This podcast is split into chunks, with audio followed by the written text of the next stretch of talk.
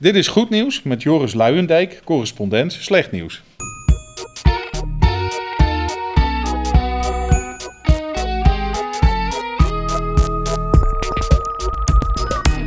Met ons vandaag is Sanne Blauw, correspondent Ontcijferen. Zij is auteur van het boek Het best verkochte boek ooit met deze titel. En dit wordt dan de best beluisterde podcast ooit met deze titel. Uh, Sanne, welkom. Uh, wat is het grootste misverstand bij gewone mensen over cijfers? Dat ze objectief zouden zijn. Leg uit. Nou ja, we hebben altijd een soort van. Als je een cijfer ziet, dan denk je, oh, dat, dat, zal wel, dat zal wel waar zijn, want het is een cijfer. En zeker als er drie cijfers achter de komma staan, weet je wel. Uh, economische groei van 3,63, 8 procent, ik zeg maar wat. en dan denken we altijd, oh, dat is waar, want dat komt als een soort van mannen uit de lucht vallen. Terwijl eigenlijk achter elk cijfer dat je ziet zitten allerlei aannames, zitten allerlei keuzes uh, en soms ook overtuigingen. Uh, dus dat is eigenlijk ook, nou ja, ik heb een boek geschreven, dus het best verkochte boek ooit met deze titel. Um, dat is eigenlijk ook het grote misverstand dat ik wil bestrijden. Ja, Want cijfers zijn niet objectief. Cijfers zijn niet objectief. Cijfers spelen eigenlijk een te grote rol in uh, de beslisvorming van mensen.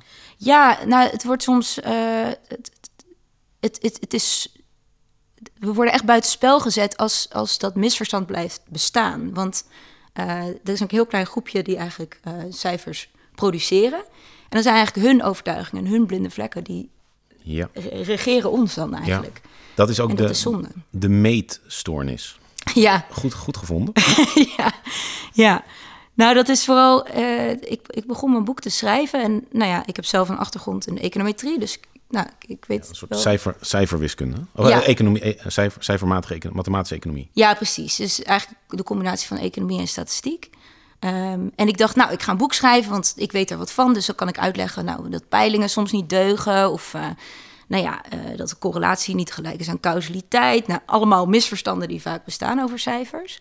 Maar hoe langer ik met dat boek bezig was, dacht ik, ja, dit boek gaat eigenlijk ook heel erg over mij. Want um, ik zeg wel dat ja, cijfers zijn zo dominant geworden in de maatschappij. Maar cijfers waren ook altijd al dominant in mijn eigen leven eigenlijk. Al van jongs af aan uh, krijg je cijfers. Nou, die vond ik altijd erg belangrijk. Je bedoelt op school? Ja, op school. Schoolcijfers. Uh, en, en later begon ik ook heel fanatiek te hardlopen. Nou, dat deed ik ook allemaal met uh, diagrammetjes en met een horloge om mijn pols. Ik stond vaak op de weegschaal. Er zijn allerlei cijfers die ook, die, die, die ook mijn leven domineerden. Als spreadsheets. Ja, spreadsheets, inderdaad. En zelfs toen ik dit boek ging schrijven, dacht ik... ja, ik, ik zat heel erg te worstelen met hoe dat boek eruit moest gaan zien. En ik heb echt matrix, matrices gemaakt. Ik heb grafieken gemaakt. Ik heb...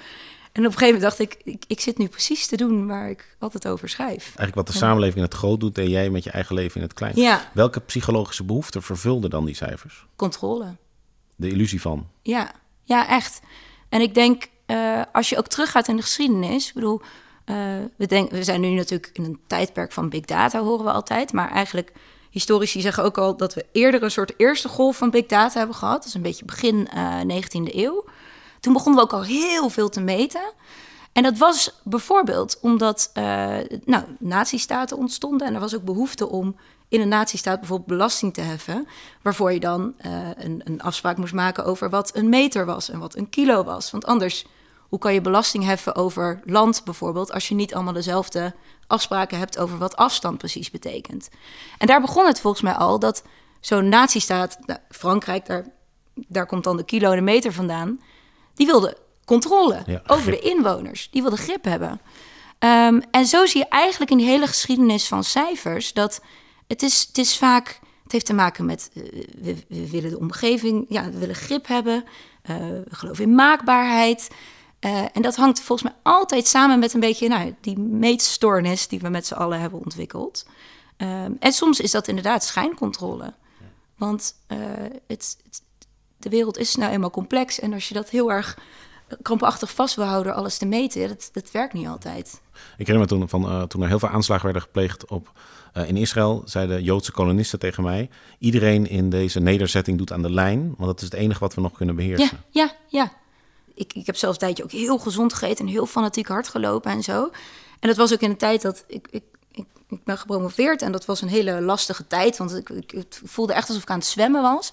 En achteraf denk ik wel eens van, oh ja, uh, ik bedoel, het is nogal anders dan uh, dan de situatie in Israël. Maar eh, het is wel die, ook die onzekerheid. En dat je denkt, nou, dat, dat, daar heb ik wel grip op. Ja. Dat Als ik, als ik boeken ga schrijven, dan moet ik mezelf altijd echt weer houden om het aantal woorden te gaan tellen. En Ja. dan te denken hoe ver ik al ben. Want ik, je kan kwaliteit niet meten in woorden. Maar het is, kwaliteit valt überhaupt niet te meten. Nee. Dus dan maar denken van nou jongens, je hebt in ieder geval deze week 2000 woorden geschreven. Dat is toch acht pagina's. Precies. Acht pagina's drek. Ja, nou, ik begon ook, eh, want ik, ik, toen ik begon met schrijven, vond ik het ook allemaal pulp en het schoot niet op. En, ik- en toen dacht ik, ik ga gewoon timen hoeveel, hoeveel ik schrijf. Dus ik had ook echt een timer geïnstalleerd en die zette ik dan aan en dan ging ik tikken. En, en nou ja, het, dan, het, het- ik ging ook dan steeds langer schrijven, want ik, het, wordt ook een soort, het is ook kicken, weet je wel. Als je dan denkt, oh, nu drie uur en dan de volgende dag vier uur. En, maar wat ik op papier had, ehm, het was gewoon slecht. En dat is ook weer die. Een boek schrijven is doodeng. Dat je belooft iets en dan denk je, oh god, ik had het ook nog nooit eerder gedaan, weet je wel. Eh, straks gaat het mis, straks kan ik dit wel helemaal niet. En dan probeer je op zo'n manier toch het in de hand te houden. En dat, ja, Ja. Die, Werkt niet altijd. eh, want, eh, het leuke aan de correspondent is dat leden ook meedoen. Dus bijvoorbeeld een van de leden is psychologe Eva de Hulu. ja, Die ook er hele interessante dingen heeft gezegd over hoe, hoe gevoel van de ene kant helpt om beter zicht te krijgen op cijfers. ja. Misschien moeten we even naar luisteren. We zijn geneigd om informatie te zien die past bij wat je denkt hoe het moet zijn. Hè? En dan is het heel moeilijk om informatie te accepteren die dus daar tegenin gaat. Dus zo, eh, zo redeneer je de dingen naar je eigen straatje. Dus met dat je, als je bij een cijfer dus iets voelt, hè, van dit, dit kan niet waar zijn of, eh, of dit brengt me in verwarring of dit bedreigt me, dan zegt dat iets over waar jouw eigen pijn zit eigenlijk. Hè? Wat jij zelf aan het doen bent met het over, overtuigen. Dus als we het dan hebben over zoveel mensen gaan dood in, eh, in, het, in het verkeer bijvoorbeeld. Dan dus da- daar voel je bijvoorbeeld boosheid over of angst. Dan kan je dat gebruiken om ten eerste te, te weten van... oh ja, dit betekent iets voor mij, dit cijfer. En als iets belangrijk voor je is, dan is het belangrijk om, te, ja, om daar meer van te weten. Dus te onderzoeken van, nou, wat, wat is dat cijfer, wat is dat argument. Dus op het moment dat je dat gevoel hebt, dan weet je eigenlijk ook al dat je daar zelf gevoelig bent voor die vertekeningen daarachter. Ja, dus dat je, dat je geneigd bent te, te makkelijk te interpreteren in, in je eigen straatje. Dan, dan, is zo'n- dan is dat gevoel een teken dat je dus voorzichtig moet zijn met die cijfers. ik, ik vind het heel leuk dat we even hebben kunnen spreken, want ze heeft me echt heel erg geholpen met mijn boek. Eigenlijk in elke hoofdstuk is tegengelezen door, een door correspondentleden. En ehm, ik vind het zo interessant, want toen ik, toen ik begon dacht ik, eh, het gaat gewoon over statistiek. Als je dat maar uitlegt, dan ben je er. En hoe langer ik ermee bezig was, dacht ik, ja, maar het gaat ook over macht. En het gaat ook heel erg, en dat, daar heeft Eva het ook over, het gaat ook echt over psychologie. Ehm, we willen graag de cijfers zien die ons gevoel bevestigen. En als dat niet zo is, dan schuiven ze, dan worden we, worden we boos of dan schuiven ze terzijde. Ehm, en ik ben mezelf ook steeds meer gaan betrappen op die fouten. Eh, en dat is een hele gevaarlijke, want dit doet iedereen. Ja, een goed voorbeeld vond ik hoe je eh, beschreef over alcohol. Ja, En alcoholgebruik. Dat je dus, je, daar komen cijfers langs die eh, goed uitkomen. Je Ja. psychologische behoeftes bevestigen. Of juist niet. En dan reageer je eigenlijk heel irrationeel. ja, absoluut. En het bijzondere is dat jij dat van jezelf doorhad. Ja, Leg eens uit. Nou ja, eh, dat, was, dat was vorig jaar. Toen was ik al een heel eind met mijn boek ook. En toen was er zo'n groot, grote alcoholstudie in het nieuws. En dat, nou ja, dat, dat alcohol toch wel heel erg, eh, heel erg slecht voor je was. En het, eh, nou ja, dat het ook je, je kans op sterven wel verhoogde. Ehm, en ik dacht meteen, ja, correlatie is geen causaliteit. Dus dat er dat twee dingen samengaan, dus drinken en een hoge eh, kans, een hoger overlijdensrisico. Dat betekent nog niet dat het een het ander ook veroorzaakt. Nou, en nu heb ik toevallig ook dus al jarenlang maak ik dit soort argumenten, dus dat kan ik dan ook heel goed doen. Maar pas later, en, en ik, toen dacht ik meteen, ja, dus ik kan wel lekker gewoon nog een wijntje drinken met mijn vrienden, niks aan de hand. En pas later keek ik terug en ik dacht, oké, er was wel wat af te dingen op die studie, maar dat ik meteen de conclusie trok, ik kan wel een wijntje blijven drinken met mijn vrienden, dat is natuurlijk ontzettend kort- kort door de bocht. Ja. En dat is heel vaak gebruiken we cijfers helemaal niet per se om de wereld beter te leren kennen, maar ook heel erg om onze identiteit te bevestigen eigenlijk, om ons eh, bij onze eigen, eigen stam thuis te, te voelen. Eh, en in mijn geval, ja, als ik met mijn vrienden op stap ga, dan gaan we lekker naar een café en dan nemen we een drankje erbij.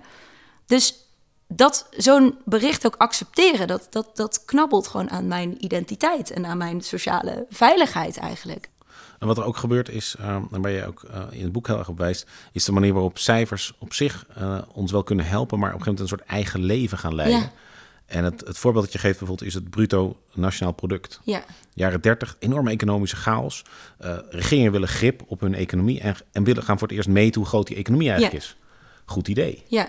Maar dan, Nou ja, al heel snel wat er is gebeurd. eh, nou ja, we begonnen met het eh, bruto nationaal product. Later werd het bruto binnenlands product. Dat is een beetje een technisch verschil wat niet zo interessant is nu. Maar in de jaren dertig, de ene Koesnets, eh, econoom, heeft dat on- ontworpen. En hij zei al meteen, eh, maak er nou niet te veel van. Het is maar een maatstaf van productie, maar het wil nog niet zeggen dat dit ook ons welzijn meet. En eigenlijk door de, de- door de jaren heen is het steeds meer wel een synoniem geworden voor welzijn. En intussen is het BBP eigenlijk nog altijd het getal waar je als regering op stuurt. Als er geen economische groei is, dan is ons hele land in rep en roer. Want dan zijn we in een recessie als het lang, als het lang genoeg duurt. En zo is eigenlijk een heel ja, eenvoudige, of nou, geen eenvoudige maatstaf, maar een, een beperkte maatstaf, wordt ineens zo ontzettend groot gemaakt. En hetzelfde is het gebeurd met de IQ, eh, IQ-test. Die is begin 20e eeuw ontwikkeld. Ehm, ook wederom een beperkte test. Ik bedoel, intelligentie is een ontzettend complex en, en breed begrip. En we zijn dat op een hele beperkte manier gaan meten. Niks mis mee, kan je best veel dingen mee doen. Psychologen vinden die testen hartstikke handig. Maar door de jaren heen is het een, een synoniem geworden voor dat hele abstracte, ingewikkelde eh, begrip intelligentie. En vervolgens worden IQ-testen nu gebruikt, waar ik ook over mijn boek, eh, in mijn boek over schrijf, om, om ontzettend racistische uitlatingen te doen, bijvoorbeeld. Dat je denkt, hé, maar het is maar een IQ-test. Ja. En, en zo gaat inderdaad heel veel cijfers, eh, het, het, ze gaan hun eigen leven leiden en het, het lijkt bijna alsof ze in plaats komen van de werkelijkheid. Nee, want het is, eh, toen ik de bankiers voor mijn werk eh, bankiers interviewde, toen merkte je ook de, dat er steeds meer macht gaat naar jouw soort mensen. Ja, De econometristen. ja, En die zeggen meten is weten. Als ik het niet meet, kan meten, dan is het niet de moeite waard van het weten. ja. Waarbij zo'n organisatie, van de ene kant zijn het juristen, mag het van de wet. Van de andere kant heb je de data, eh, de beta-bertjes, zoals ze ze noemen. Die, De beta-wertjes. de beta-bertjes. Die zeggen van, eh, het, het, verschijnt niet in de data. Ja, En daarna is eigenlijk, ja, en dus zag niemand ook die crash aankomen. Ja. Want men vroeg alleen, is het volgens de wet? Mag het, mag het wat wij doen volgens de wet in de zomer van 2008? En eh, wat zeggen de data? De data zeiden het gaat goed, de Ja. wet zei het mag. ja, En toen zei iedereen, nou ja, nee, niemand had dit verwacht. ja. Maar daarom, daarom was het voor mij ook wel eh, een soort eye-opener dat ik zelf dus ook, ik denk ook echt zo, zeg maar. Van, en dat, daar ben ik tegen aan het strijden nu. Maar ik denk heel erg in structuren en lijstjes. En ik wil het allemaal het liefst in een 6 bij 5 matrix uitstippelen, want dan snap ik het. Maar dat is een manier van denken en dat is ook een wereldbeeld. En eh, ik, ik denk niet dat daar iets mis mee is, maar het probleem is inderdaad dat dat heel dominant is geworden. Dus wat, waar ik ook nog wel veel meer over wil schrijven is van... eh, vol- volgens mij is dit trouwens ook een hele filosofische vraag. Van, kun je eigenlijk alles meten? Is alles meetbaar? En ik, ja, ik denk eigenlijk steeds meer van niet. Nee. Ehm, maar het is volgens mij heel gevaarlijk als dat, als, als, als dat, die ene denkwijze, als dat, als dat de denkwijze gaat worden. En nou ja, als je nu ziet hoeveel focus er is op kunstmatige intelligentie, dan gaan we daar wel steeds meer naartoe. Eh, en ik denk dat het heel gevaarlijk is, want er zijn heel veel dingen, eh, empathie, eh, wijsheid, ehm, Schoonheid. schoonheid. Er zijn ontzettend veel dingen die niet in cijfers te vangen zijn. En dan zijn er altijd wel weer mensen die dat vervolgens gaan proberen. Ik heb zelf een promotieonderzoek onderzoek gedaan naar geluk en de meetbaarheid van geluk. Nou ja, als iets complex is en, en lastig te vangen, is dat het misschien wel. Eh, maar goed, ik deed het gewoon op een schaal van 1 tot 10. En dan kreeg je er een cijfertje uit. Dan kon ik zeggen, nou kijk, je kan het toch meten. Ja. Maar het is wel heel gevaarlijk. En ook Ja. heel arrogant Ja. om te denken eh, van... we hebben het helemaal door en we kunnen het helemaal meten... en, en we zijn klaar of zo. Ja, wat, ik ook, wat mij daar ook zo tegen staat, is dat alles wordt vergelijkbaar. Ja. Ik wil trouwens wel even zeggen, want het, het is wel belangrijk... Van, ik, ik ben niet tegen cijfers, punt. Weet je wel? Ik denk dat cijfers ontzettend nuttig kunnen zijn. En ik denk soms dat die vergelijkbaarheid wel heel nuttig kan zijn. Als we het over armoede hebben bijvoorbeeld. Als we landen willen gaan vergelijken en we zeggen... nou, eh, we hebben na lang wikken en wegen een maatstaf voor armoede ontwikkeld, bedacht. En dit land is armer dan dat. En misschien kan dit gebeuren om die levens daar mooier te maken of zo. Uh, maar waar, waar mij het probleem in zit, is dat, uh, dat we geen ruimte meer laten voor twijfel. Of voor, dat, dat we geen ruimte meer laten voor de dingen die niet meetbaar zijn. Dus ja, misschien uh, heb jij, geef jij je leven een ander cijfer dan ik. Nou, leuk, dan kunnen we het daar vervolgens over hebben. Maar ik geef mijn leven meer een kleur. Oké, wat voor kleur is jouw leven? Ik zou zeggen een beetje groen. Groen. En wat betekent dat? Nou, eigenlijk niks. Nee. je hebt wel een groene trui aan. Dus je bent helemaal... Uh, ja. Maar dus dat, uh, dat vind ik er zo, zo, zo verstikkend aan het uh, systeem wat wij op dit moment hebben. Is dat dus alles wordt in een soort hiërarchische ordening Ja. geplaatst. Ja. En wanneer het geen cijfer kan krijgen, uh, dan, uh, dan bestaat het niet. En dus als je bijvoorbeeld ook zegt van, nou, heel veel mensen zijn nu te dik. Dat, dat kost zoveel geld, dus daar gaan we wat aan doen. Ja. Terwijl je zou moeten zeggen, heel veel mensen zijn te dik. Het is helemaal niet fijn om te dik te zijn. Wat kunnen we doen om deze mensen te helpen? Maar dit is dus wat er heel vaak gebeurt. Er wordt dan een cijfer opgeplakt van dit kost zoveel geld. Dus, terwijl um, die interpretatieslag is een hele politieke en morele ja. interpretatie. Ik bedoel, je kan en überhaupt al meten hoeveel geld iets kost. Dat, dat, daar zitten al allerlei aannames in en zo. En dat is, dat is een beetje mijn probleem met het, waar we het net over hadden... van dat cijfers objectief zouden zijn. Dan denk ik, nee, want je maakt daar een hele slag... waardoor je mensen een beetje zand in de ogen strooit... want je hebt een cijfer geroepen... en dan kun je vervolgens jouw politieke ideeën er doorheen fietsen. Ja. Terwijl er zit heel veel politiek in. Ja. En daarom denk ik ook van... Uh, bijvoorbeeld iets als het BBP, hè... Um, nou ja, uh, huishoudelijk werk wordt daar niet in meegenomen. Vervuilende industrie wordt er wel in meegenomen. Als je dan vervolgens zegt, als land willen wij sturen op dat BBP... dan maak, doe je daar een hele politieke uitspraak mee. Maar eigenlijk zien we dat heel vaak niet. Omdat het is, ja, het is een cijfer en we snappen het allemaal niet of zo. Terwijl dit zijn dingen die... En trouwens, als het op BBP aankomt... wordt daar gelukkig nu wel meer over gediscussieerd. Ook in de Tweede Kamer. Maar van die cijfers die echt belangrijk zijn geworden in onze maatschappij, dat kan je niet overlaten aan technocraten. Dat is gewoon een heel. Die zijn hartstikke politiek. Ja, inflatie. Ja. Of, of je daar de huisprijsstijging in meeneemt en hoeveel. Ja. Ja, er zitten, er zitten heel veel keuzes in uh, onder de, de cijfers. Ja. ja. En wat mij betreft, kijk, onze wetten bediscussiëren we ook in de Tweede Kamer. En natuurlijk, die ene clausule, uh, 18b of zo, daar hoeven we niet met het hele volk over mee te praten, want dat is zo technisch. Maar wat mij betreft doen we het met cijfers net zo. Dat je zegt, nou, we gaan even het brede concept gaan we nu bediscussiëren. En ja, de precieze uitwerking en hoe je dat vervolgens ja. een modelletje gooit, tuurlijk, dat kunnen we overlaten aan het CBS. Ja. Als je in de Tweede Kamer kijkt, maar ook in het algemeen in de politiek, zoals Clinton, Obama, Sarkozy, uh, Christine Lagarde, uh, allemaal juristen. Uh, Rutte, historicus. Ja. En zo, er is ontzettend... Wat Theresa May en Merkel zijn de enigen in het Westen met een, een exacte achtergrond. Ja, ja. Dus dan is het ook heel prettig als je er met z'n allen niks van snapt... Ja. om dat cijfer te nemen als een vaststaand feit... zodat je daaromheen je spelletjes kunt spelen. Ja, nee, absoluut. En We moeten jou in de Tweede Kamer zetten. nou, dat zullen we nog wel zien. Maar, maar wat ik met mijn boek ook wil laten zien is... Um, je hoeft, om cijfers te begrijpen... hoef je echt niet heel goed te zijn in statistiek.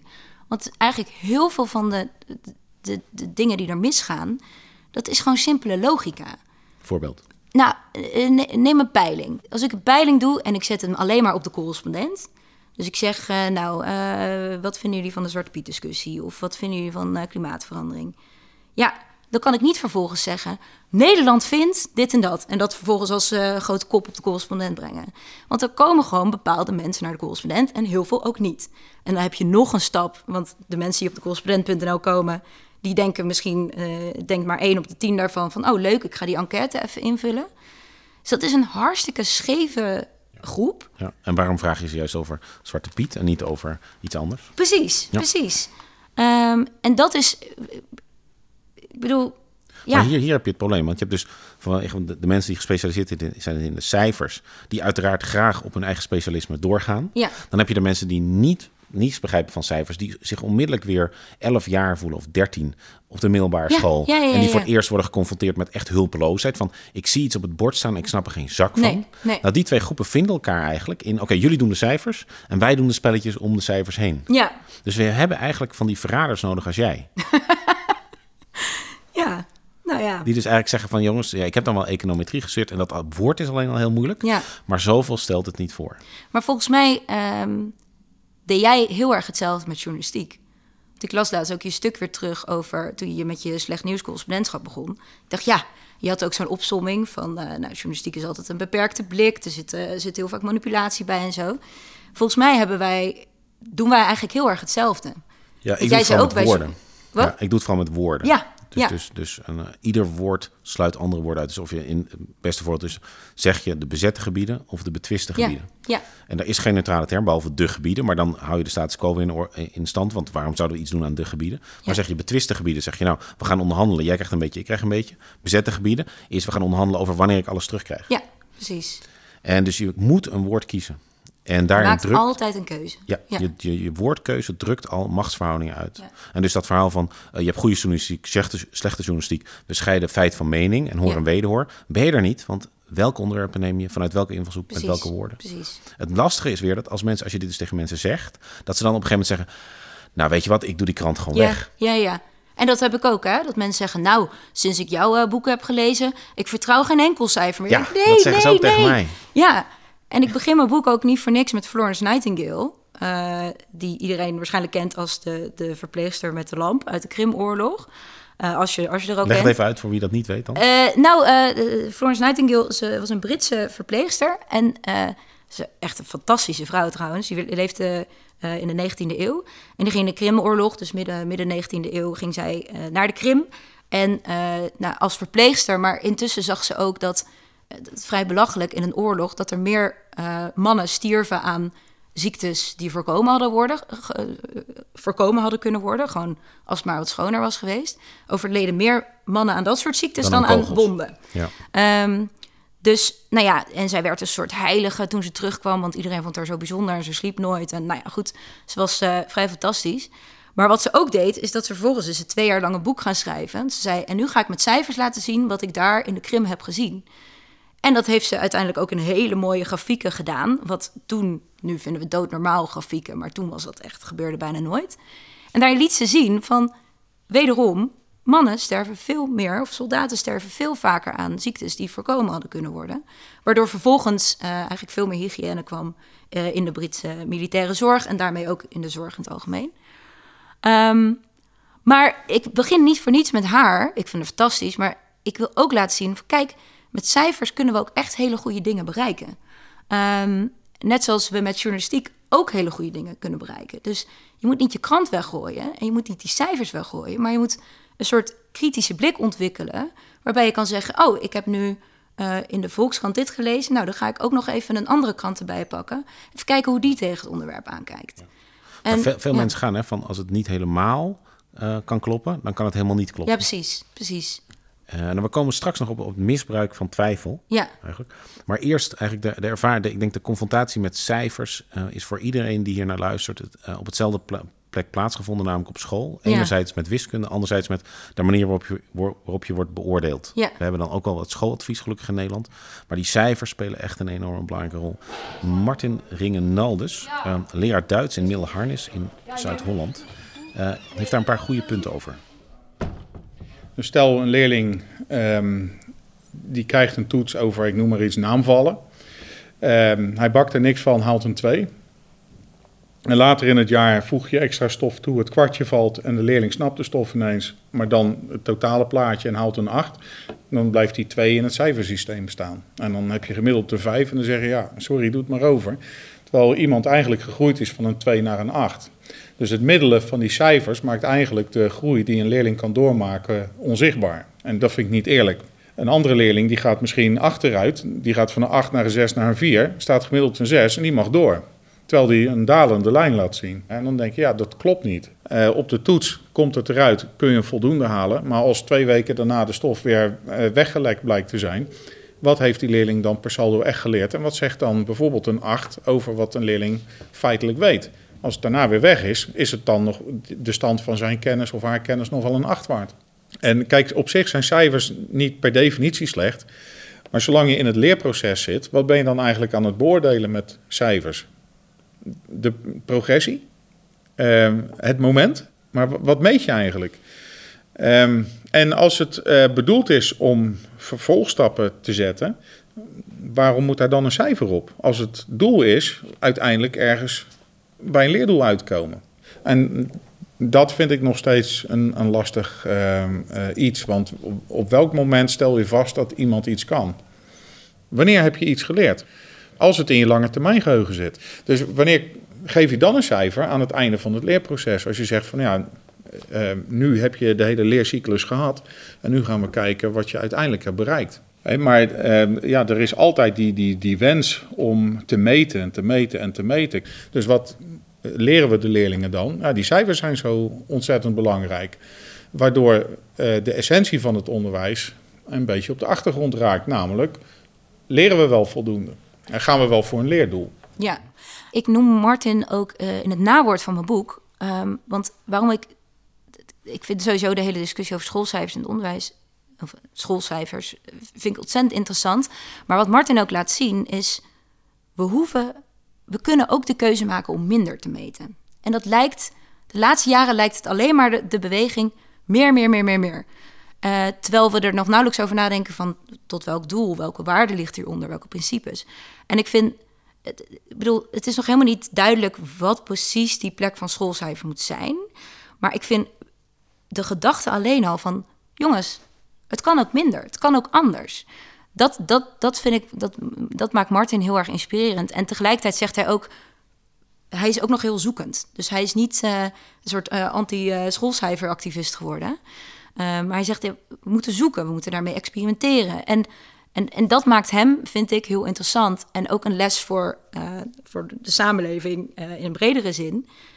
we kunnen steeds meer meten. we kunnen onze peuters toetsen voorleggen. Maar moeten we dat ook willen? Want ja. dat heeft ook gevolgen. Dat is ook wel een ander misverstand dat ik met mijn boek wil bestrijden. We denken altijd, oh, als we iets gaan meten, dat is gewoon alsof we een thermometer ergens in stoppen en dan kijken we en dan, dan gaan we weer door met ons leven. Maar dat meten heeft ook heel veel invloed op hoe de wereld er vervolgens uitziet. Ja. En ja. op dus hoe Precies als taal. Dus, dus woorden beschrijven de wereld, maar woorden zijn ook een model voor de wereld. Ja. En die woorden spelen weer in de wereld een rol. Doordat ze mensen een soort model voorhouden van... ah, dit is dus een, een legitieme optie voor mij of niet. Of zo kan ik de wereld zien. Precies. Nog even terug naar, naar de cijfers. Want um, ja. het wat zo interessant is, je zegt cijfers geven grip. Maar die grip die kan ook weer zo sterk worden dat je eigenlijk fijn knijpt waar je grip op hebt. Ja, ja. Er is nog een andere mogelijkheid, namelijk dat de, dat de gereden sceptisch over cijfers waar jij voor, voor pleit, wordt misbruikt door mensen met een hele vuige agenda. Ja, ja, ja. Uh, ja. Tabaksindustrie. Ja. Vertel. Ja, god. Uh, nou ja, al jaren roep ik van uh, je moet cijfers meer in twijfel trekken, dit en dat.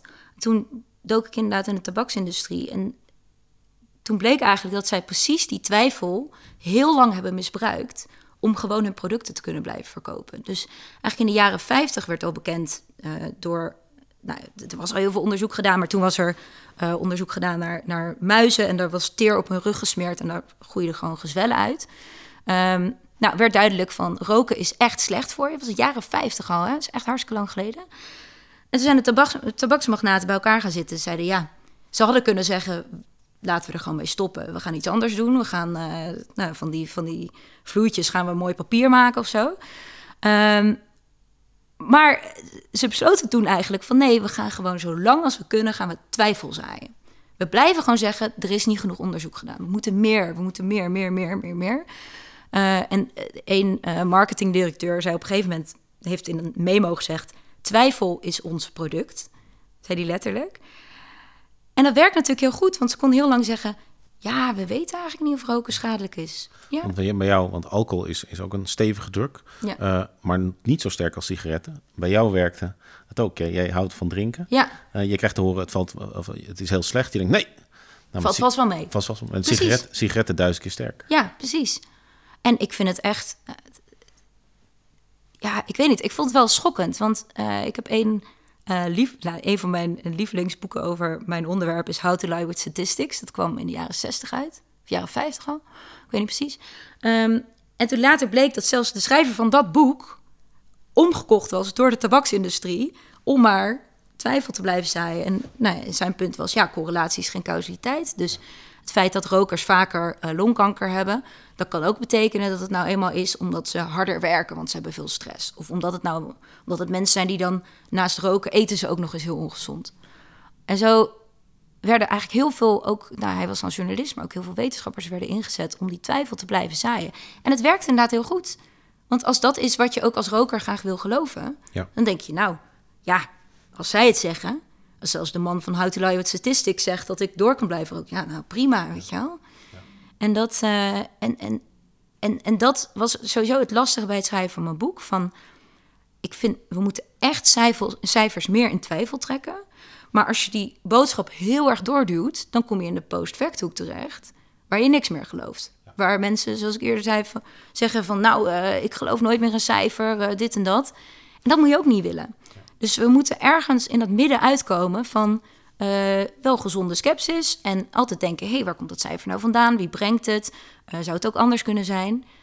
Maar als je helemaal aan de andere hoek gaat zitten, dan zit je precies waar bijvoorbeeld een tabaksindustrie je wil hebben. Of de fossiele industrie, Ja, die dat gewoon als een draaiboek hebben gebruikt om twijfel te zaaien over klimaatwetenschap. Precies. En je ziet ook dat eh, mensen in, in, in Trumps kabinet gebruiken soms precies dezelfde woorden als de tabaksindustrie vroeger gebruiken.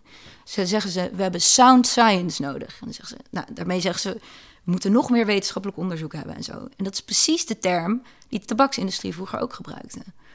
En dat, eh, Dan word je een, nuttige idioot voor de fossiele en tabaksindustrie. Ja, maar dat is het shitten. Van, ja. en, en daarom denk ik dat, oh, lees je in godsnaam in ieder geval door tot hoofdstuk 4. Want daar, daar kom, ik, kom je dan weer terug, weet je wel. Want op het begin in Ja. mijn boek ben ik soms bang dat ik mensen heel erg in een ravijn duw. Van, oh ja, je kan niks meer geloven. Ehm, maar op een gegeven moment, eh, zoals met de tabaksindustrie... maar ook als we het hebben over klimaat... er is op zoveel verschillende manieren onderzoek gedaan naar dezelfde vraag. Door heel veel verschillende onderzoekers, op al, met allerlei verschillende invalshoeken. Als je over roken hebt, hebben ze dier, eh, dierexperimenten gedaan. Ze hebben epidemiologisch onderzoek gedaan. Ze hebben celonderzoek gedaan. Dat is allemaal nog herhaald. En op een gegeven moment moet je gewoon zeggen... nu weten we genoeg en nu gaan we iets doen. Ja. En dan is er een wetenschappelijke consensus. Net zoals we met het klimaat hebben, hebben we dat ook als het over sigaretten gaat. Ehm, en, de- en daarmee ontkom je ook een beetje aan de discussie van... anders kom je in een soort, nou ja, een soort postmodernistisch ravijn... Waar, waar de waarheid niet meer bestaat. En waar we allemaal maar op ons handen gaan zitten en niks meer kunnen doen. Dat, ja, En de, de gevestigde lobby's intussen gewoon achter de schermen hun gang blijven gaan. ja, precies. Je hebt dus, dus naïviteit, ongewenst. Je Ja. schrijft, er- om, da- je schrijft je boek om daarvan af te komen. Dan hoop je dat je mensen landen op sceptisch. Ja, Maar ze dreigen misschien door te schieten naar wantrouwen. En wantrouwen is uiteindelijk even verlammend als naïviteit. absoluut. Absoluut, ja. Dit is, een, eh, dit is een enorm dilemma bij alle vormen van kritische journalistiek. Ja. Je laat zien dat de, de overheid iets fout doet. In de hoop dat de overheid het beter gaat doen. Maar Ja. dan komen er andere mensen die de boel eigenlijk in de fik willen steken. Die Ja. zeggen, zie je wel, laten we de boel gewoon in de fik steken. Want dat doen ze ook nog fout. Ja, ja. Ja, het is heel lastig. Ja, En hebben we eigenlijk cijfers eh, over hoe mensen reageren op jouw pleidooi? dat is toch te vroeg. Het- ik moet toch even ik, ik een, hoor eh, de tabaksindustrie. Er moet, er moet meer, onderzoek, komen. eh, voordat meer en boek- meer onderzoek is nodig. Voordat we jouw boek uit de handel wil een nemen. hele grote longitudinale studie doen. 30 en, jaar. eh, experimenten. En, eh, maar er wordt, er wordt veel onderzoek gedaan naar wetenschapscommunicatie. En wat wel en niet werkt. En dat gaat ook heel erg hierover. Eh want ook daar komt die psychologie natuurlijk heel erg bij kijken. Ehm, van hoe wij feiten interpreteren, dat heeft heel erg met onszelf te maken, met ook, maar ook hoe, hoe het wordt gepresenteerd. Maar kunnen mensen omgaan met de fundamentele onkenbaarheid van de wereld om hen heen? Ja, ik denk het niet. Tenminste, ik, merk bij, ik, ik, ik, ik schrijf er wel over hoor. Ik zei van we moeten onzekerheid omarmen en we moeten durven twijfelen en dit en dat. Maar dat is echt, dat is wel lastig. En het is ook wel een luxe positie als je dat kan doen. En het is ook weer, want als je hier, dan moet je hier ook weer aan gaan twijfelen. Ja, ja, ja, ja. Maar de wereld is nou eenmaal complex en groot en lastig. En we komen er wel ietsje dichterbij met cijfers en met, nou, met dit soort gesprekken eh, bijvoorbeeld. Eh, Bijvoorbeeld de neoconservatieven, die zeggen gewoon van luister, het allergrootste deel van de bevolking kan niet omgaan met sceptisch. Geef die mensen een beetje twijfel en ze schieten door naar wantrouwen en daarna Ja. ga je ze alles wijsmaken. Dus geef die mensen een aantal mythes waar ze in kunnen geloven, een vlag en een, en een, eh, en een exceptionalistisch verhaal over de nationale geaardheid en zo. En dan kunnen ze gaan samenwerken. Maar dat, zij zeggen die, die meer postmoderne agenda van, van twijfel aan twijfel, die, dat is een putje waar uiteindelijk de samenleving in verdwijnt. Ja. Maar ik heb toch wel, ik heb toch wel echt de hoop dat veel mensen veel beter om kunnen gaan met dit soort, met twijfels, met onzekerheid, met nuance, eh, dan we denken. Maar als we nou echt kijken naar televisieprogramma's, naar politieke partijen, naar, mee, naar, naar kranten eh, en we- weekbladen, Ja. is dat hoe, hoe harder en hoe zekerder ze van de daken schreeuwen, hoe groter ze zijn. Ja, ja. Maar daar moeten wij dan toch iets aan veranderen. Nou, daar is er dus een. De, paternal- sorry, de paternalistische school zegt. Wanneer je mensen iets geeft waar ze niet mee om kunnen gaan, Ja. bijvoorbeeld twijfel, dan eh, doe je ze eigenlijk iets aan. Ja. Ja, ik weet niet. Ik, ik, ik heb gewoon heel erg hoop dat als je, als je dit soort boodschappen goed kan verkopen. Bedoel, jij, hebt, eh, jij hebt met je boek, eh, het was een van de best verkochte boeken in, in een jaar, toch? Het zijn net mensen. Eigenlijk een hartstikke genuanceerde boodschap bracht je ermee. Maar dat was niet wat de meeste mensen naar mijn indruk eruit hebben gehaald. Oké, Wat ze eruit halen is, Ja. je kan niks vertrouwen. Ja. Ze allemaal eh, bedriegers. Daarom waren collega's ook zo boos. Als ik dan vroeg van waarover, dan Ja. was het niet wat ik schreef, maar Ja. wat anderen eruit haalden. Ja. Ja. Je hebt nu een, een, een groot project afgerond eigenlijk. Ja. eh, eh, econometrie gestudeerd. Eh, dit boek is daar eigenlijk een, een, een uitwerking van. Ja. Een soort ook een vertaling van de inzichten uit de econometrie naar een breder publiek. Uh, nu kun je gewoon een beetje de, soort, de gekke Henkie worden van de cijferkritiek. Iedere Ja, keer als er cijfers ja. worden gebruikt de komende twintig jaar... zien we je langzaam ouder worden op tv. De factchecker des vaderlands. De factchecker des vaderlands, ja. Ja, ja dat, dat, dat ligt natuurlijk helemaal voor je klaar. Ja. Die, die redacties zijn ook hartstikke blij. Je- bent ook nog vrouw. Dat is ook eens goed om vrouwen te hebben die, die een rolmodel zijn voor meisjes die goed zijn in wiskunde. Want hoe vaak zie je dat? Eh, is dat jouw, eh, jouw pad? Nou, nee. Ik bedoel, ik, ik, ik, ik, ik, ik blijf wel dingen zeggen hoor. Maar op een gegeven moment heb je acht keer uitgelegd waarom een peiling niet deugt. En dan ben je er ook wel een beetje klaar mee. Ehm, waar ik, wat ik heel interessant vind, is... ik, wilde, ik wilde over kunstmatige intelligentie gaan schrijven. Alleen toen dook ik in, dacht ik, ja, wat is intelligentie eigenlijk? En dan zie je dat er meer dan 70 verschillende definities van intelligentie bestaan. Wat echt absurd is, want intelligentie is, nou, onze hele maatschappij is, de hele hiërarchie is gebaseerd op intelligentie. Ja, alleen al de term hoog en laag opgeleid. In Precies. plaats van praktisch en theoretisch opgeleid. Ja, eh, als we het over dierenleed hebben, zeggen we nee, maar dat dier is intelligent. Nou, wat dan Ja. vooral betekent, het lijkt op ons, volgens mij. Eh, en we steken miljarden in kunstmatige intelligentie. Terwijl dat hele intelligentie is een ontzettend raar begrip. Dus eh, ik wil, ik het zou heel erg, ik ga uiteindelijk ook wel over kunstmatige intelligentie schrijven, maar ik wil heel veel, ik wil meer in dat intelligentie. Ja, Dat is echt wel heel interessant. ja, Ja. want Wat zou je nu als grootste misverstand beschrijven eh, in de samenleving als geheel over intelligentie? dat intelligentie hetzelfde is als IQ. Ja. Dat het, zeg maar, als er al, als je zeg maar al die nou, 70 plus eh, definities bij elkaar pakt en je wil daar een soort van één paraplu over hangen, dan is intelligentie iets als je vermogen, het vermogen van iets of iemand om een bepaald doel te bereiken. Nou, dat is mega vaag. ja. Ehm, en dat zou ook kunnen zijn, je kan een tafel eh, in elkaar timmeren of je kan eh, een kind goed verzorgen of wat dan ook. En En het zegt niks over het kiezen van doelen. Nee, precies. Terwijl al heel snel, eh, zeker met de opkomst van de IQ-test, is besloten: intelligentie is abstract denken. Maar het is veel meer dan dat. Ja. En dat is weer door een, Ja. nou ja, door een heel klein groepje Ja. mannen in dit geval bedacht.